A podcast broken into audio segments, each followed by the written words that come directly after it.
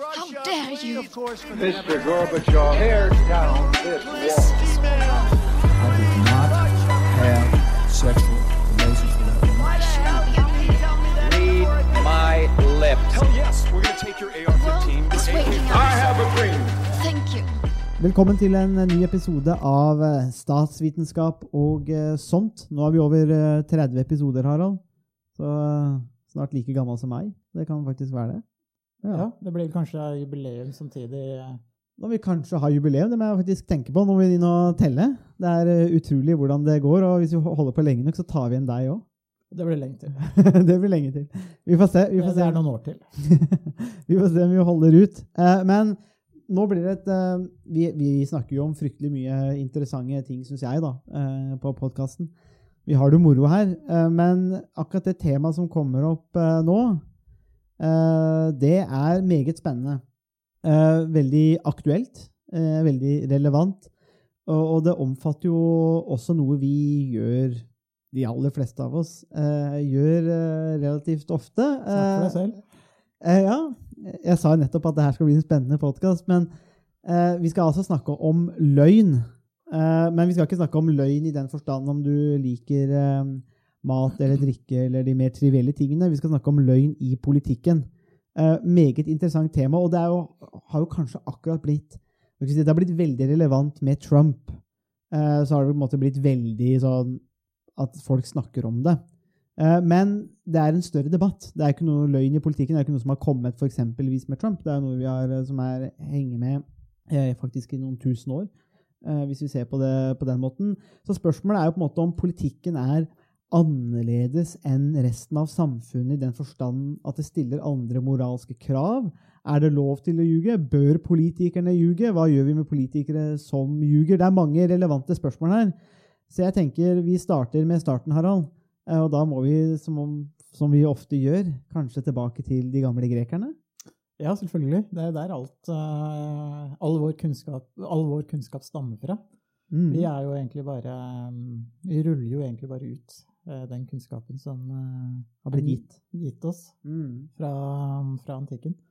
Derfor spørsmålet her er jo egentlig eh, ganske dramatisk, ganske alvorlig, på den ene siden, fordi øh, er løgn en eh, del av politikken, rett og slett? Er, det sånn at all politikk, alle politikere i større eller mindre grad er nødt til å lyve, eh, eller eh, til å omgå sannheten på Mm. ulike måter? Og der har jo vært et eh, spørsmål som har vært diskutert, eh, som du var inne på, eh, helt siden antikken. Platon skrev jo en dialog om hvordan staten skulle organiseres, hva som var idealstaten. Og det som var grunnlaget for idealstaten, og det som var det, det fine med idealstaten, var jo selvfølgelig at i idealstaten så skulle filosofene styre. Mm. Uh, og for en med, med ph.d. i uh, political philosophy, så um, høres jo det veldig attraktivt, attraktivt ut.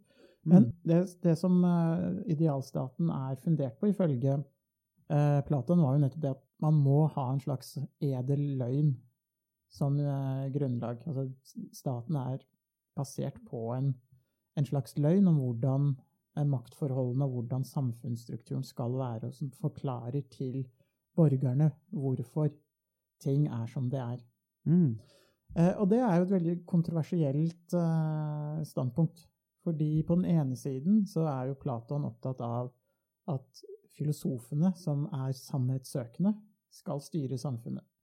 Men samtidig så er jo den sannhetssøkende samfunnsorden også basert på en løgn.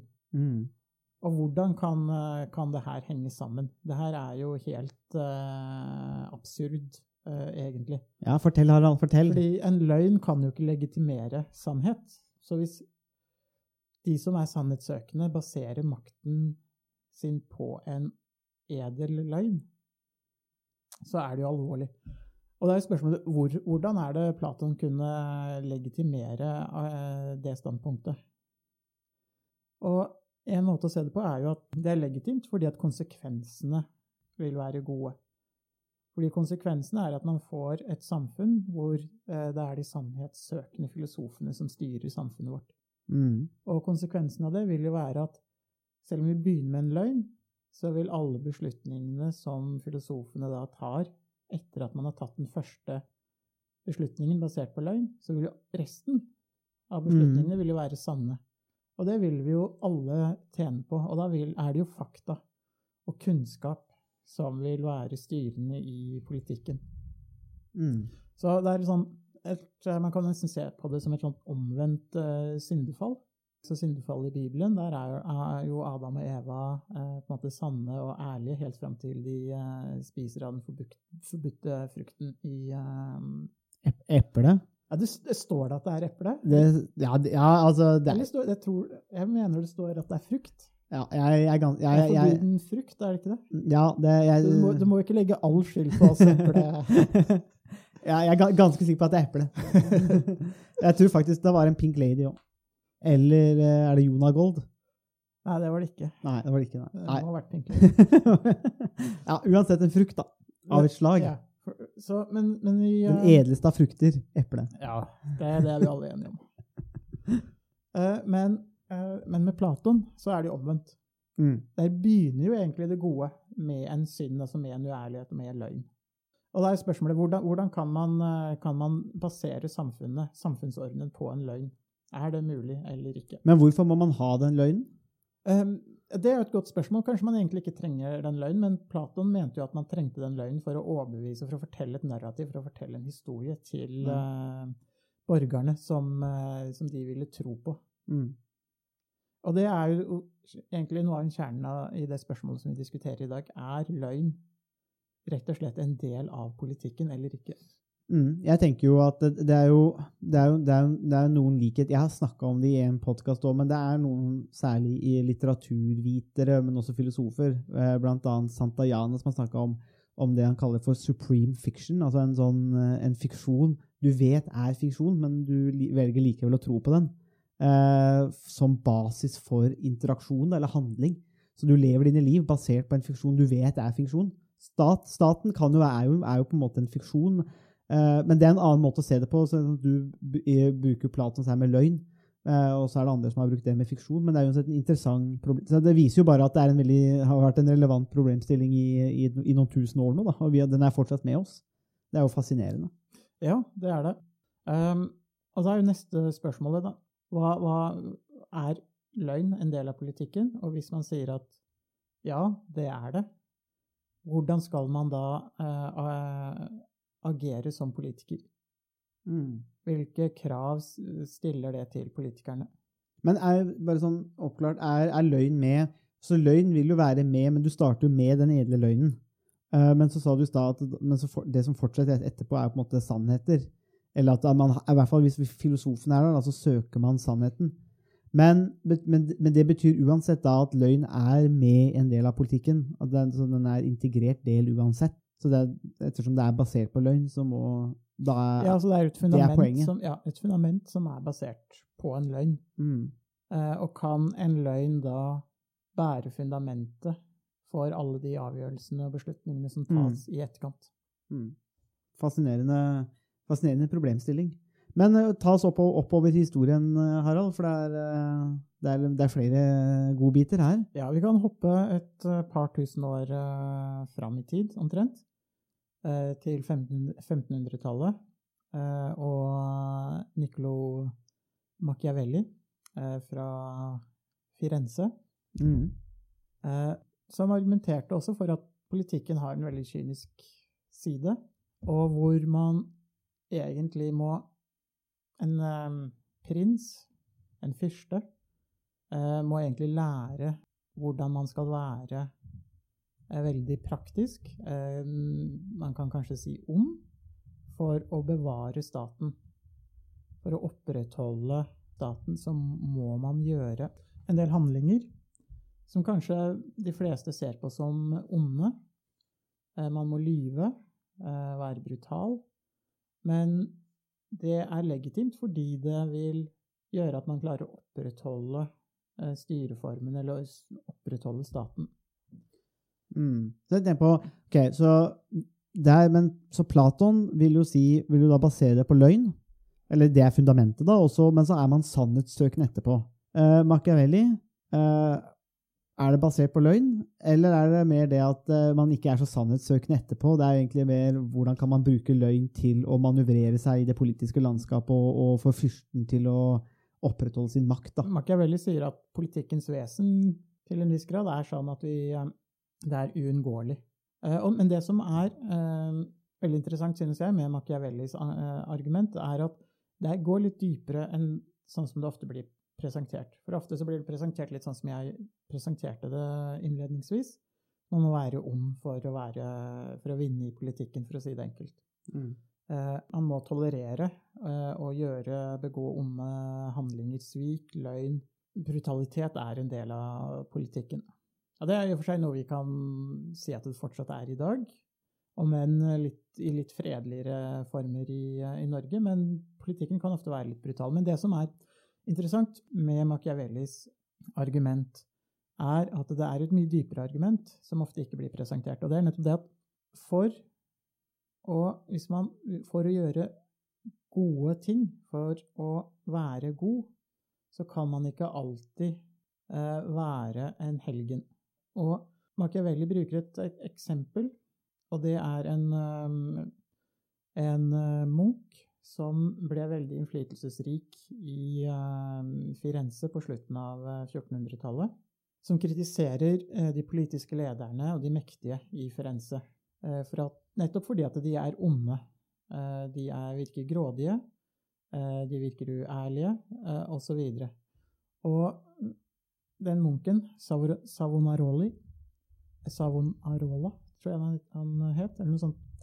Eh, han eh, ønsker å skape et slags eh, idealsamfunn i eh, Firenze, hvor man ikke har avgudsdyrkelse, hvor man ikke har materialisme, hvor man er sannhetssøkende, eh, og hvor man eh, har en sterk religiøs tro, hvor det er religion og det gode i mennesket som skal, eh, skal styre. Problemet er at den måten å tilnærme seg samfunnet og politikk på ofte kan gjøre mer skade enn gagn. Og det er det Machiavelli observerer på slutten av 1400-tallet i, eh, i Firenze. Fordi den eh, litt sånn enkle tilnærmingen til hvordan et godt samfunn kan skapes, skaper også en slags eh, en veldig trangsynthet, en veldig eh, intolerant tilnærming til hva som skal aksepteres og ikke aksepteres.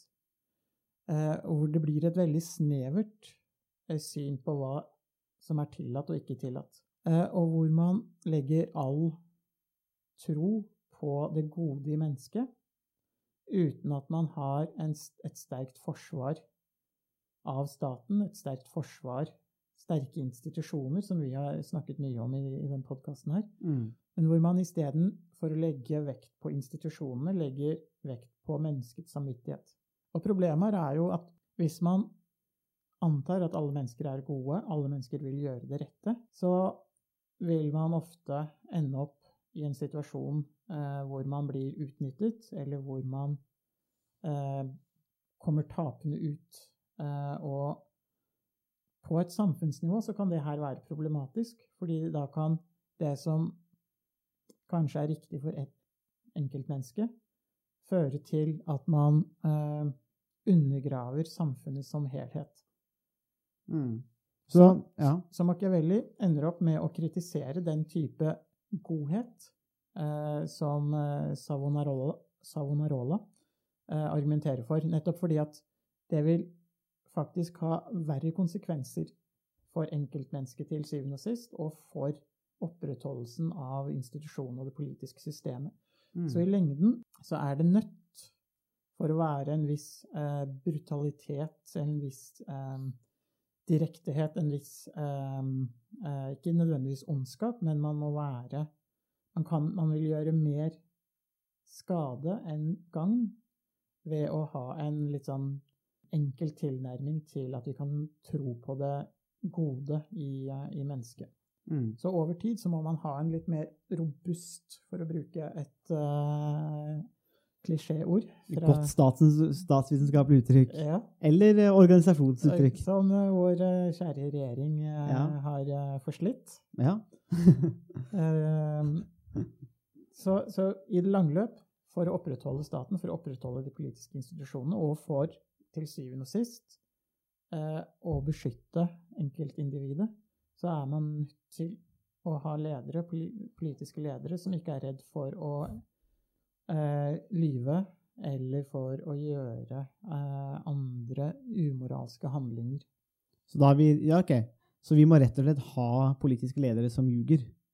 Eller som ikke er redd for å ljuge i jakten på å oppnå sine mål. Rikt- Riktig. Og problemet er at hvis vi vil ha veldig eh, edle, eh, ærlige politikere, så vil det eh, gi, ha, verre konsekvenser enn å ha politikere som, eh, som noen ganger lyver. Men hvis de ljuger, hvordan vet du da at de gjør det som er det de sier de skal gjøre? Og ikke har andre motiver som de da eh, føler for å ljuge for? Ja, det er jo et godt spørsmål. Og det er jo det som er pro problemet, og som er problematisk. fordi at på den ene siden så kan man godt se hvordan det kan, noen ganger kan være nødvendig eh, å lyve i politikken. Eh, fordi noen ganger så handler politikk om å velge det minste onde. Uh, og det vil være det som fremmer samfunnets interesser i det lange løp. Mm. Men samtidig så vet vi jo ikke når politikerne lyver, alltid. Og vi vet ikke om de lyver fordi de ønsker å fremme samfunnets interesser, for å beskytte samfunnet, eller om de lyver for å um, fremme sin egen makt, sin egen posisjon eh, og den type ting. Jeg tenker på det med Machiavelli òg. begynner begynne å se litt på og, og flytte oss videre fra Machiavelli òg. Men hvis man, hvis man tar den machiavellianske hans argument da, og i den perioden En viktig del av vårt samfunn er jo, på måte, er jo å holde eller stille folk til ansvar for sine handlinger. Hvordan, eh, hvordan gjør man det? I, for den machiavellianske fyrsten eh, vil jo kanskje kvitte seg med en del av de som kan utfordre makten og autoriteten til fyrsten. Eh, hvordan skal man kunne klare å holde de ansvarlige? For det er jo ganske viktig. Det er jo viktig i, i vår dag òg, men eh, nå husker jeg ikke så godt tilbake til eh, da vi leste Fyrsten, men eh, jeg vet ikke om han hadde noen sånne mekanismer for å stille eller holde fyrsten til ansvarlig? Eller var problemet til Machiavelli at det, han ikke skal holdes ansvarlig? Fordi fyrsten er staten, og det er på en måte godt i seg sjøl? Um, veldig godt spørsmål. Hvis uh, veldig ta utgangspunkt i at fyrsten ønsker å opprettholde uh, statsfunksjonene, institusjonene, Uh, og det er rollen til, til fyrsten. Og for å opprettholde institusjonene så kan det være legitimt å kvitte seg med brysomme motstandere. Eller å svike allierte, finne nye allierte. eh, gjøre det som er nødvendig for å opprettholde mm, eh, staten og institusjonene. Mm. Og løgn kan være en måte å gjøre det på. Problemet med en fyrste er jo at de kan ikke holdes ansvarlig. Og Mm. det kan være problematisk. Mm. Og det er nettopp når man ikke kan holde noen ansvarlig, at, vi at det med løgn i politikk kan bli eh, Gå fra å handle om å beskytte samfunnet, fremme eh, det som er samfunnets interesser, til å bli ren korrupsjon. Mm. Og det ser vi eksempler på i eh, autoritære mm, stater, eh, hvor eh, lederne kanskje i begynnelsen har en viss eh, legitimitet og en viss støtte blant befolkningen, men etter hvert eh, bruker eh, posisjonene, maktposisjonene til å berike seg selv og familien sin. Mm. Ja, det er jo det, det, øh, Og her er vi på en måte inne på det Nå har vi på en måte gjort unna en del hva skal jeg si, litt mer av den av i den politisk, historiske, filosofiske konteksten. Og det viser på en måte bare hvor komplekst det er. Eh, fordi at det fortsetter jo over til dagens system eh, og personer. Og no, noe av grunnen til at vi kanskje har checks and balances og andre mekanismer, er jo litt for å måte, korrigere for en del sånne ting. Og ha mekanismer for å stille folk og holde de ansvarlige eh, tenker jeg. Men vi kan jo ta det her inn til moderne politikk eh, og diskutere, bruke det som fundament til å diskutere eh, moderne politikk. Eh, for vi ser en god del av det der òg. Um, og for å diskutere moderne politikk, så gjør vi et lite skifte, for da tar vi tur ned til Marias hjørne. Hallo. For vi må jo Det er jo bare høvelig, tenker jeg, fordi at eh, For du kaller deg jo sjøl for Maria Machiavelli. Eh, ja. Som en joke. Ja, Ja. det visste ikke jeg. Nei. Eh, det trodde jeg var helt seriøst. Ja, det gjorde ja. vel. Ja, nei, eh, jeg har jo ikke for vane å fly rundt og ljuge til folk, eller noe sånt, det har jeg ikke. Så, men litt Nei. frykt og sånn, det har jeg aldri skada meg. Nei. nei, nei, Frykt er jo den eneste motivasjonen. Ikke den beste, men den eneste. det er noe det er, eh, noen gullkorn, eller måte, livsvisdom her fra Borgerbund. Ja, neste podkast skal jo handle om fryktens pedagogikk. ja, det er den eneste pedagogikken. Det er jo ikke den beste, men den eneste, det òg. Helt, helt riktig. Det, er, det, er, eh, Det kan studentene våre skrive under på. det kan studentene våre skrive under på. Det er, det er helt ja, riktig. er døde nå. de har jo ikke sett noe til, så det de, Utrolig nok så sa de ingenting. de, de ga ikke noe motstand der. Men de smilte. Men de smilte, så det, det fungerte egentlig veldig bra. Men eh, moderne politikk eh, For her er det jo fryktelig mye å ta tak i. Eh, og du har jo vært ungdomspolitiker, eh, Maria. Eh, mye løgn der, eller? Eh, ja, men ikke utad til velgere, eh, men innad til partifeller. Massevis. Mm. Og ja, ja, hele tida. Du kommer jo ikke opp hvis du holder hver avtale du inngår med andre folk. Er du gæren? Jeg har jugd masse til andre partikollegaer. Jeg har ikke dårlig samvittighet i det hele tatt. Ja, men det må du. Altså, Ja, altså Det her er ikke bare fra, din, fra ditt tidligere parti, men du tenker det gjelder i alle, ja, alle partier? ja, ja, ja. Altså, I. KrF også. De har vel fått tilgivelse nå, så det er ikke sikkert greit. Nei, men eh, eh, si at du skal stille til valg, da. Eh, og da er det f.eks. For forskjellige fylkesdelegasjoner eller noe sånt nå, og så ringer en eller annen fra Tromsø da at ja, hvis du støtter vår resolusjon eller vår kandidat, så stemmer vi på dere sånn og sånn. Og så sier du ja, ja, ja, vi støtter deres resolusjon og kandidat, og så får du støtten fra Troms, men så gir du ikke støtte tilbake igjen. Da har du jo løyet. Ja. Men det er jo sånn det fungerer. Men det, det, det slår meg jo ikke sånn umiddelbart som en veldig fruktbar eller bærekraftig modell eh, for samarbeid. Jeg tenker på Noe av det vi tenker på i statsvitenskapelig teori, er jo det at, eh, og gjerne det som handler om rasjonelle valg, er jo det at hvis du ljuger og ljuger og ljuger, så vil du til slutt på en måte bli straffa for det. da. Ja, men det er fordelen med hemmelig valg, da, vet du, at det er jo ingen som veit hva du stemmer. Så da kan du jo bare leike like overraska når det valget ble tapt for Hvordan skjedde det? Ja. Så, Ja. Nei, altså, det er jo ikke noe sånn at man gjorde det ti ganger daglig, men det skjedde. Eh, I nominasjonsprosesser og sånt så er det veldig mye løgn, og da er det beste skuespilleren vinner. Så, ja. Der har du kanskje en overføring her til Machiavelli akkurat inn, inn når det kommer til de maktkampene der, kanskje, Harald? Ja, det, det, det kan, kan nok absolutt være. Um, og alle partier har jo um, eh, et rykte på seg for å ha en relativt sånn tøff indre tone. Mm. Og det har blitt sagt om eh, Arbeiderpartiet at det ikke var noen søndagsskole. Mm. Mm. Eh, og det gjelder nok eh, de fleste partier, selv de som kanskje er søndagsskolelærere eh, også. Det var jo den saken med Hareid og den prosessen der et lite eksempel på. Mm. som vi snakka om. Men jeg tenker, eh, det er jo litt sånn eh, bare sånn internt.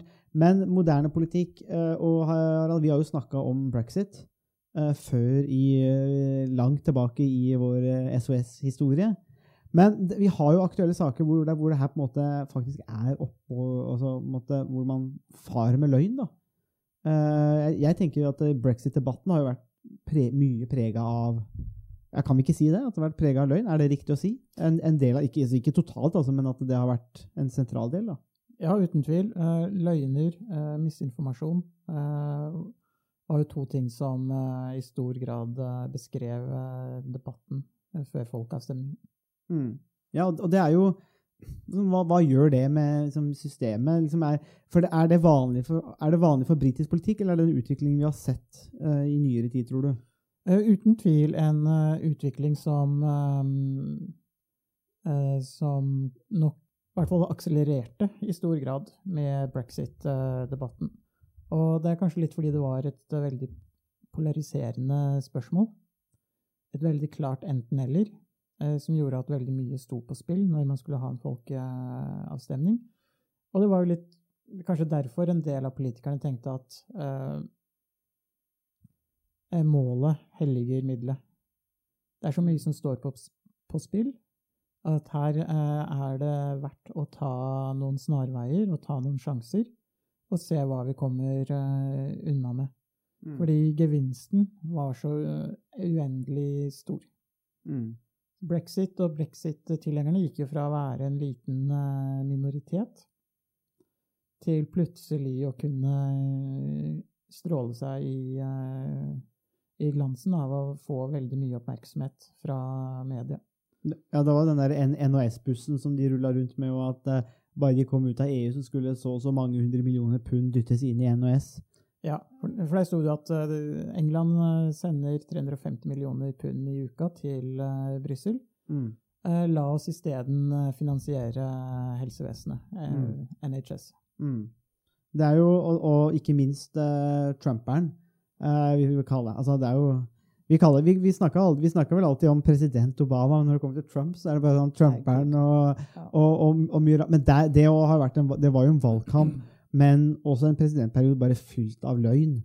Uh, men blir du ikke da bare, bare latterliggjort? Altså, hva, hva, altså, hvis, du, hvis du bare liksom åpenbart ljuger uh, Men han har jo gjort det på, på den riktige måten Uh, for å komme unna med det. For ja, Hva er den riktige måten? Han har jo diskreditert media, gjort sin egen Twitter-konto eh, den eneste tilgangen på informasjon.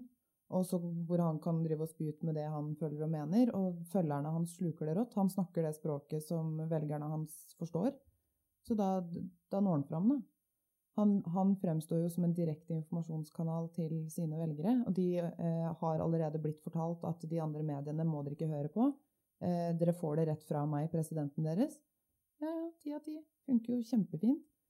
Så det, det er kanskje de skulle døtta inn litt eh, eh, kildekritikk og kritisk tenking i pensum på skolen der, men, eh, men enn så lenge så er jo det her en super fremgangsmåte. Mm, ja, det ser ut til å fungere for Trump og bevegelsen hans, gjør det ikke det, Harald? Han, Jo, jo, selvfølgelig. Og det er jo det som er eh, som gjør dette her til et spennende spørsmål, til et alvorlig spørsmål. mm, Fordi man ser jo at det funker. Kanskje ikke nødvendigvis hver gang, 100% men det funker nok ganger til at man tar sjansen på å, å gjøre det. Og det er noe av det som er uh, sentralt, uh, tenker jeg. Man, det, er ikke, det er ikke sånn at politikerne nødvendigvis lyver uh, fordi de liker å lyve, eller fordi de er um, fantasifulle eller lystløgnere og liker å fortelle løgnaktige historier, men fordi at de, de ser at det, det, det funker. mm. De, de ser at de, de når målene sine med det. Og brexit eh, og Trump er jo to gode eksempler på, eh, på hvordan løgn faktisk kan eh, gjøre at du når målene dine. Men jeg, jeg tenker også, måte, det er jo opplagt mange av de tingene med Trump, altså mange tilfeller der når han blir innsatt, så er det liksom det aldri vært så mye folk eh, i seg på den seremonien, og så ser vi bilder som viser at det er jo mye mindre enn vanlig. Ja, han har blitt eh, Da kom i amerikanske fotball, eller sports, altså lag, da. Eh, amerikansk fotball, basketball på seremonier der. Det er mange av spillerne og laget ikke møter opp fordi de er uenige med Trump. Eh, likevel så er det flest på de seremoniene det det noen gang har vært. Det er flere på de enn noen gang har vært, selv om bildene forteller oss noe annet. Så det må jo være en person som lever bare helt på løgner. Eh, men det jeg lurer på, det blir jo ikke straffa heller. Altså, han klarte å bli valgt med massevis av løgner og en håpløs atferd som aldri hadde gått i andre land. Eller? Mm, Ja, men eh, han hadde jo en motkandidat som eh, ikke var helt ideell heller. Hillary Clinton var jo ikke akkurat en veldig sterk motkandidat. Og hun gjorde jo den største feilen en politiker kan gjøre, og det er jo å slenge dritt om velgerne. Når du først har gjort det, så får du så mye avsky i befolkningen at hun mista jo til og med velgere som hata Trump. Så hun mista velgere som lett kunne gått og stemt på henne, og så i tillegg så overførte hun noen velgere over til Trump. Mm. Så det er ikke sikkert det valget hadde blitt hadde blitt med en bedre motkandidat. Mm. Altså, valget var jo egentlig mellom For mange amerikanere så var det jo et valg mellom to eh, Mm. To upopulære kandidater.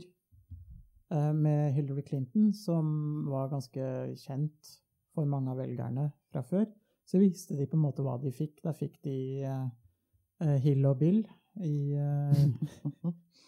eh, i fire nye år. Mm. Uh, eller så kunne de få eh, Trump. Mm. som var et uh, som var upopulær, kontroversiell, eh, omstridt. Men han var i hvert fall eh, et slags eh, friskt eh, pust fra the deep sump eh, Mm. Ja. på en eller annen måte. Vi har jo, eh, vi har jo eh, noen lyttere i USA, eh, og en av de, eh, Jens, du har jo sendt meldinger til, til meg eh, om nettopp den situasjonen der, og vel eh, faktisk eh, nevnt nettopp det, det som blir, dere, dere kommer med her òg, nettopp at man velger mellom to onder, eh, og at eh, ja, det på en måte var et dårlig valg, da, og Trump var noe annet. Eh, og, og da er det en interessant tak her. Så bør politikerne ljuge? Det er et normativt spørsmål for dere. altså Bør politikerne ljuge? Ja. Nei.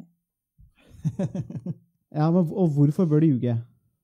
Uh, jeg, jeg tenker uh, at uh, politikerne eh, Det er legitimt å lyve eh, hvis man gjør det for eh, å fremme samfunnets interesser. For å eh, fremme det som er samfunnets beste.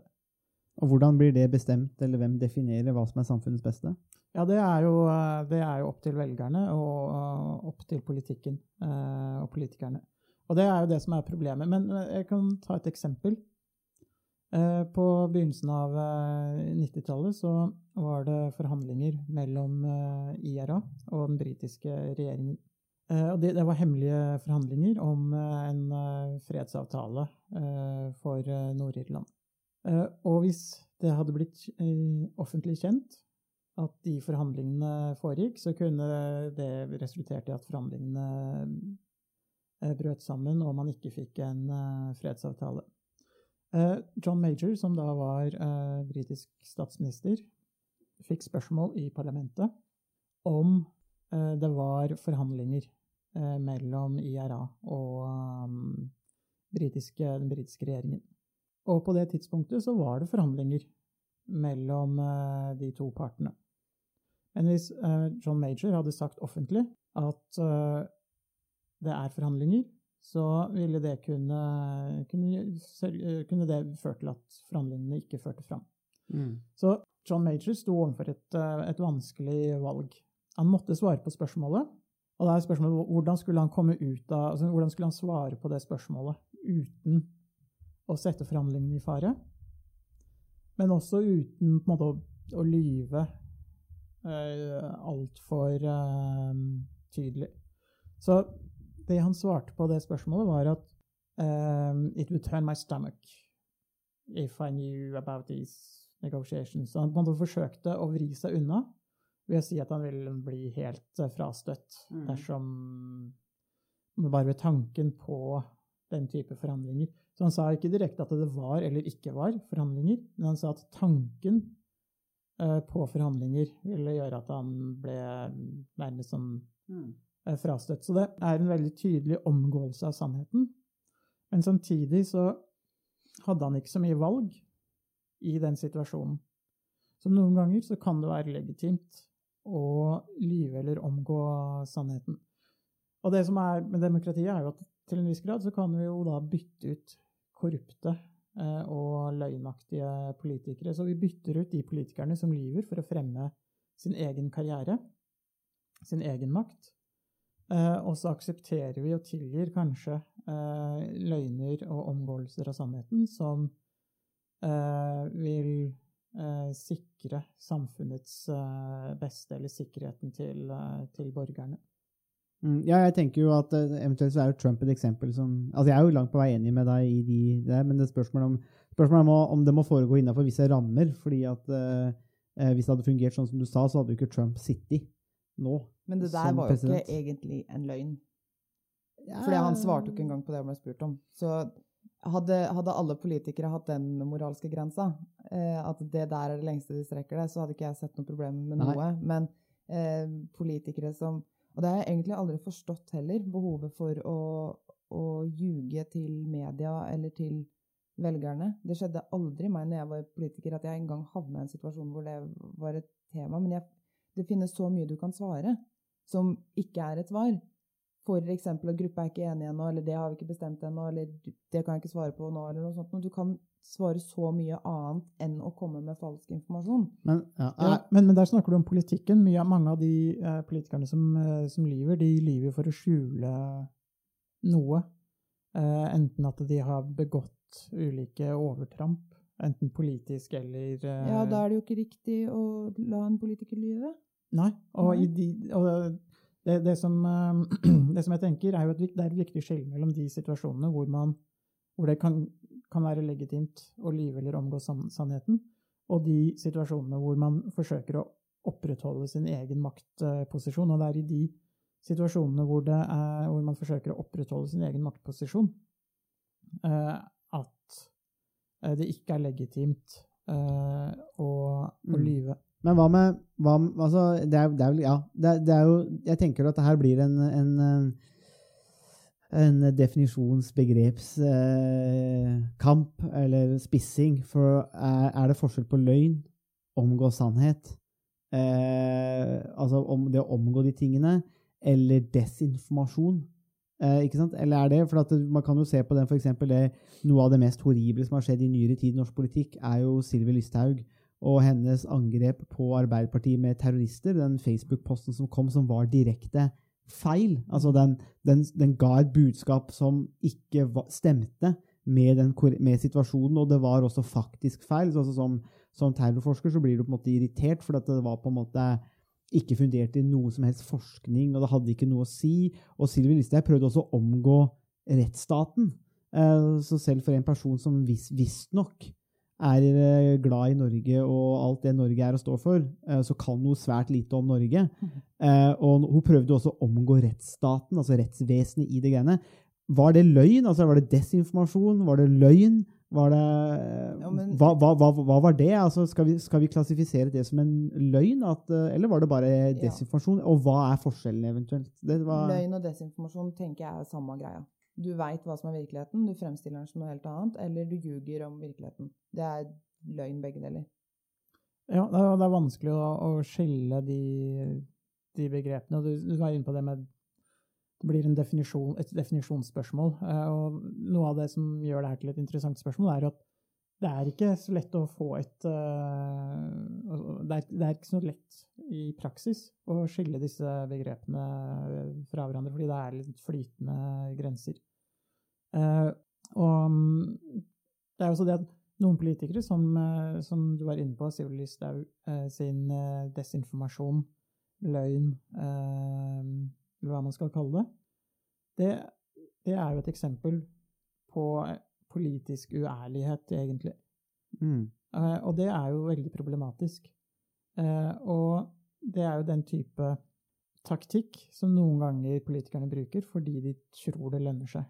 De ser at det lønner seg, at de noen ganger kommer unna med det. mm, Og det er det som er det dypt problematiske, mm, kanskje med politikk, og som er utgangspunktet for innledningsspørsmålet. mm. Om politikken er annerledes enn resten av samfunnet, er det en annen moral Mm. som, eh, som eksisterer i politikken enn det som er i resten av samfunnet. Fordi den måten som politikerne eh, behandler media, velgerne, eh, sannheten og politiske motstandere på hvis, politik hvis de samme politikerne behandler familien sin, vennene sine, på den samme måten, så vil de jo være skilt og vennløse på ganske kort tid. Mm.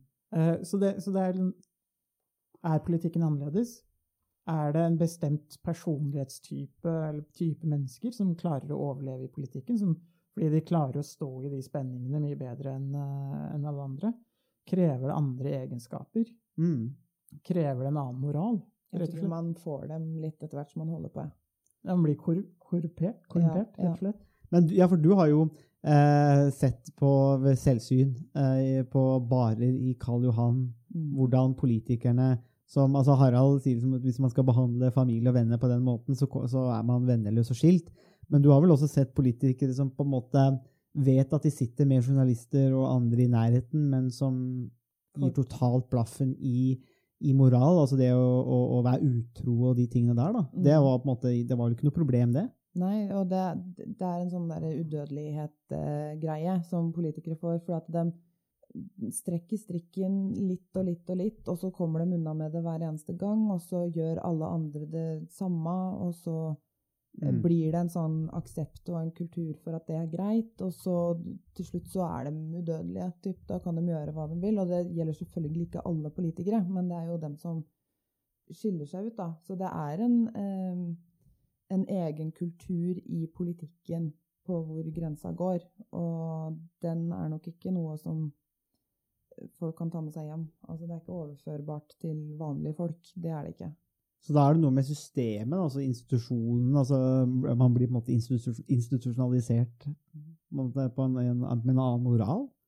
Ja, eh, det er jo spørsmålet. Eh, Jeg er ikke helt sikker på hvordan det der eh, er. Altså om det er, om det er en egen moral som gjelder for politikken, og en annen moral for resten av samfunnet, eller hvordan det henger sammen. Men det, noen ganger så kan det virke sånn. Men Mm. kanskje er det for liten risiko for å bli tatt i Ja. systemet der. Mm, det, det, det er Og det er for eh, liten eh, grad av sosial justis innad i den gjengen der. At det er liksom ingen som eh, minner deg på at du har kone og barn som venter på deg hjemme, eller som ber deg om å la være å ta den siste drinken, eller slutte å gjøre det der. Det er ingen som går og korrigerer oppførselen din. Eh, og du mister heller ikke nødvendigvis noe av å oppføre deg på en dårlig måte, eller en umoralsk måte. Så det er ikke noen pris å betale for å gjøre det. Og Mm. da gjør vel folk det, da. Det der, det er, det er en måte sånn fascinerende. Altså, det, det går, går det inn på noe av det altså lord Actons lov om at makt korrumperer, og makt, absolutt makt korrumperer absolutt, men at den korrumperende effekten og den bobla som du, man kanskje havner i, da, som gjør at de, opptrer med en annen moral eh, det, kan jo virke sånn at det er noe med systemet, at det blir og så blir jo en elite. Det har vi snakka litt om før òg. At eh, politikere blir jo en elite. For at i dag er jo politikken så utrolig kompleks og vanskelig. Ikke sant? Og vi har jo invitert eh, Trygve Varg Vedum til podkasten vår. Så hvis du hører på, Trygve, eh, du er fortsatt velkommen til eh, Vi tar det på Borgerbunn. Eh, ikke på HØ, men på Borgerbunn. I, I vante omgivelser. I vante omgivelser kan vi se litt på, på epleproduksjon eh, og suksessfull norsk subsidiepolitikk.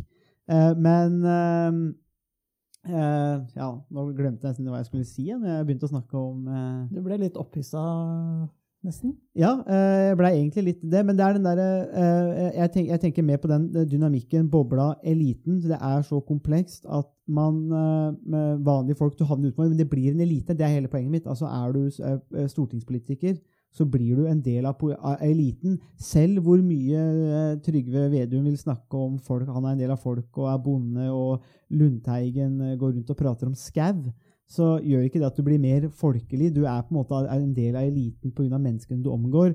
Og, og miljøet. Det er på en, måte en, for på en måte en naturlig del. Ikke noe feil med det. Det er bare sånn det er. Det er måten politiske systemet vårt er. Samtidig så kan det komme med noen sånne type konsekvenser. Og en, en annen ting av det er jo sånn som nå, den nye, hun som tar over nå for Ropstad eh, i sin posisjon, er jo også en ny statsråd. Ung kvinnelig. Veldig bra. Men måtte da selvsagt komme fra First House.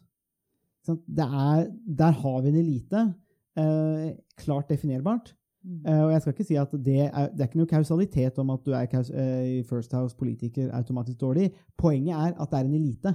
Mm. Og i den så kommer det med en elite, kanskje en elitetenking og en annen moral. Det tenker jeg er et åpent spørsmål, men jeg tror det er noe i det. da. Det heter jo ikke First House uh, for ingenting, kanskje. Det kunne, Det- kunne vært Second House. Det, det er jo ikke det samme ikke som, eh, som First Price, i hvert fall. de burde bytte navn til First Price. Kanskje var det som skjedde at Kiwi tok First Price før de, før de grunnla selskapet, og så ble det First House, for First Price var borte. Hvis dere mister jobben, vær så snill å ikke bli standup-komikere.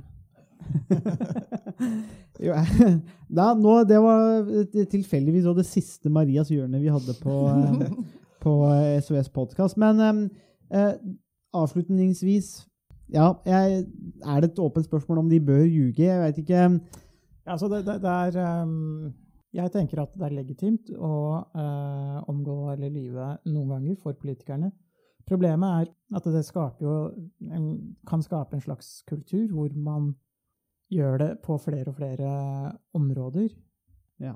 Men der er det jo også viktig med både media og velgerne eh, for å stille politikerne til ansvar som den eliten som, eh, som de er. Og det, det er aller mest problematisk i de eh, samfunnene hvor man ikke har eh, enten valg eh, eller eh, en fri presse. Ja, Absolutt. Du, vi er jo på Marias hjørne, så du skal få lov til å avslutte podkasten med noen bevingede ord, Maria. Å ja.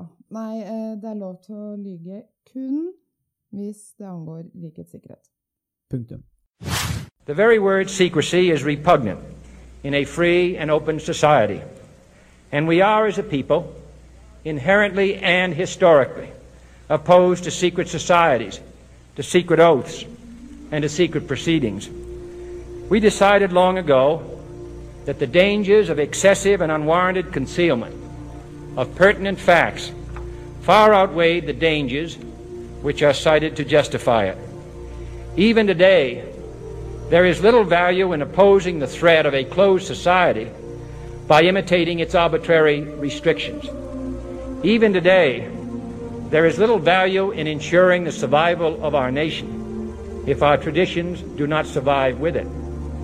And there is very grave danger that an announced need for increased security will be seized upon by those anxious to expand its meaning to the very limits of official censorship and concealment. That I do not intend to permit to the extent that it's in my control. And no official of my administration, whether his rank is high or low, civilian or military, should interpret my words here tonight as an excuse to censor the news, to stifle dissent, to cover up our mistakes, or to withhold from the press and the public the facts they deserve to know. Det var det vi hadde å by på i denne ukas episode av Statsvitenskap og sånt. Musikken er komponert av Robin Horvath, og Thomas Mokulato står for miksing og redigering. Du finner oss på Facebook, bare søk på Statsvitenskap og sånt. Der kan dere komme i kontakt med oss hvis dere har spørsmål eller kommentarer. Der finner dere også aktuelle artikler, videoer med mer. Vi setter pris på om dere liker sida, og deler den med andre som dere tenker vil ha glede av å høre på podkasten. Vi høres! And change is coming whether you like it or not.